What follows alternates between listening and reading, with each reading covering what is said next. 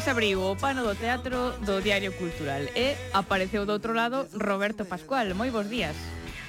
Hola, moi bons días. Aparezo para falarvos dunha obra teatral.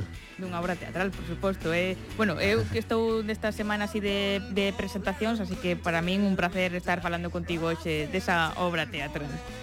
Para min tamén, Lucía, un placer eh, falar contigo deste terceiro premio Laudamuco. Uh -huh. Este mes de agosto estamos a propor a todas as persoas que nos escoitan eh, unha lectura dunha obra de teatro. Sí. Eh, porque, mm, bueno, os teatros eh, xa se sabe que no mes de agosto moitos están a descansar, pero é unha boa oportunidade para descubrir a nosa dramaturxia. A semana pasada falamos dunha obra, o Premio Abrente, o último Premio Abrente, quizáis sí.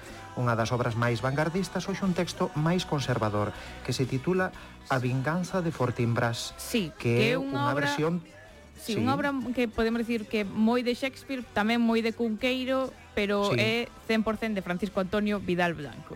Efectivamente, efectivamente, porque con esta obra el gañou o terceiro premio Laudomuco, como dixen, que convoca eh, o Concello de Brión xunto coa Academia Galega de Teatro, acabase de editar, eh, podémolo atopar na editorial Positivas, e eh, como ti moi ben dís, é unha versión eh, do, do, dun texto canónico, o Hamlet de Shakespeare, sí.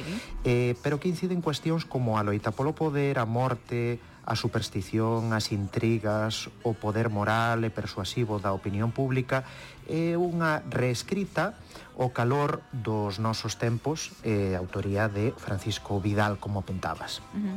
eh, entón temos o mito de Hamlet con esa perda de Elsinor de fondo, pero os personaxes eh, secundarios podemos dicir que se converten de algún xeito en protagonistas. Xa vemos aí no título que cambiamos a Hamlet por Fortinbras. Eh, a onde nos leva isto? Iso é, eh, aquí mm, hai, digamos, tres personaxes eh, protagonistas. Un deles é eh, Fortinbras, despois de perder a guerra, emprende unha estrategia de vinganza contra a coroa del Sinor. Aquí é onde sitúa Francisco Vidal a trama, a partir da humillación e a aldraxe da derrota como motor e principal impulso da acción dramática.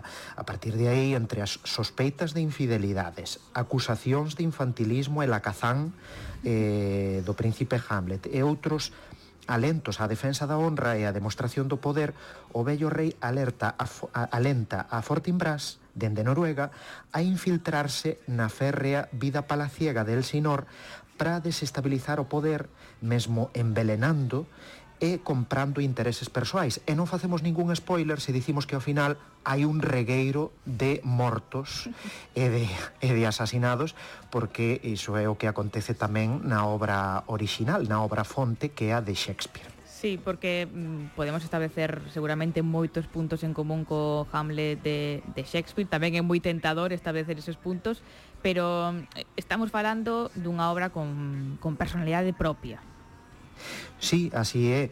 Eh, é unha obra con personalidade propia porque, como mm, ti apuntabas, eh, os secundarios eh, da obra original aquí eh, convertense en protagonistas. Ten especial protagonismo incluso un personaxe que é o capitán que acompaña a Fortinbras. Entre mm. as funcións dramáticas deste personaxe están a de informar aconsellar, reflexionar sobre a vida e conceptos morais.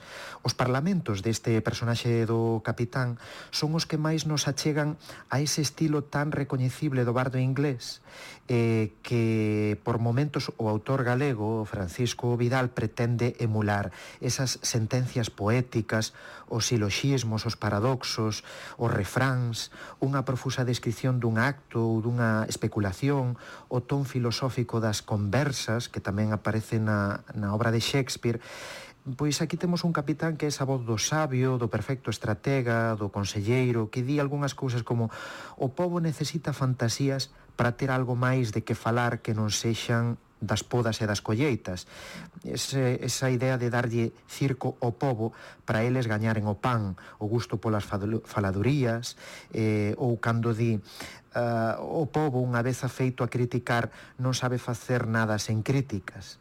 Eh, vemos que, que unha personaxe mm, que eh, cumpre ese rol de, de sabio ou ese rol de, de coñecedor da, da realidade eh, que apunta ese ton filosófico do que apuntaba antes, non? Cando di, lle di algún personaxe actuar con cautela en todas as súas estrategias e plans, lle di os, os, os impacientes adoitan cometer erros que os pacientes aproveitan.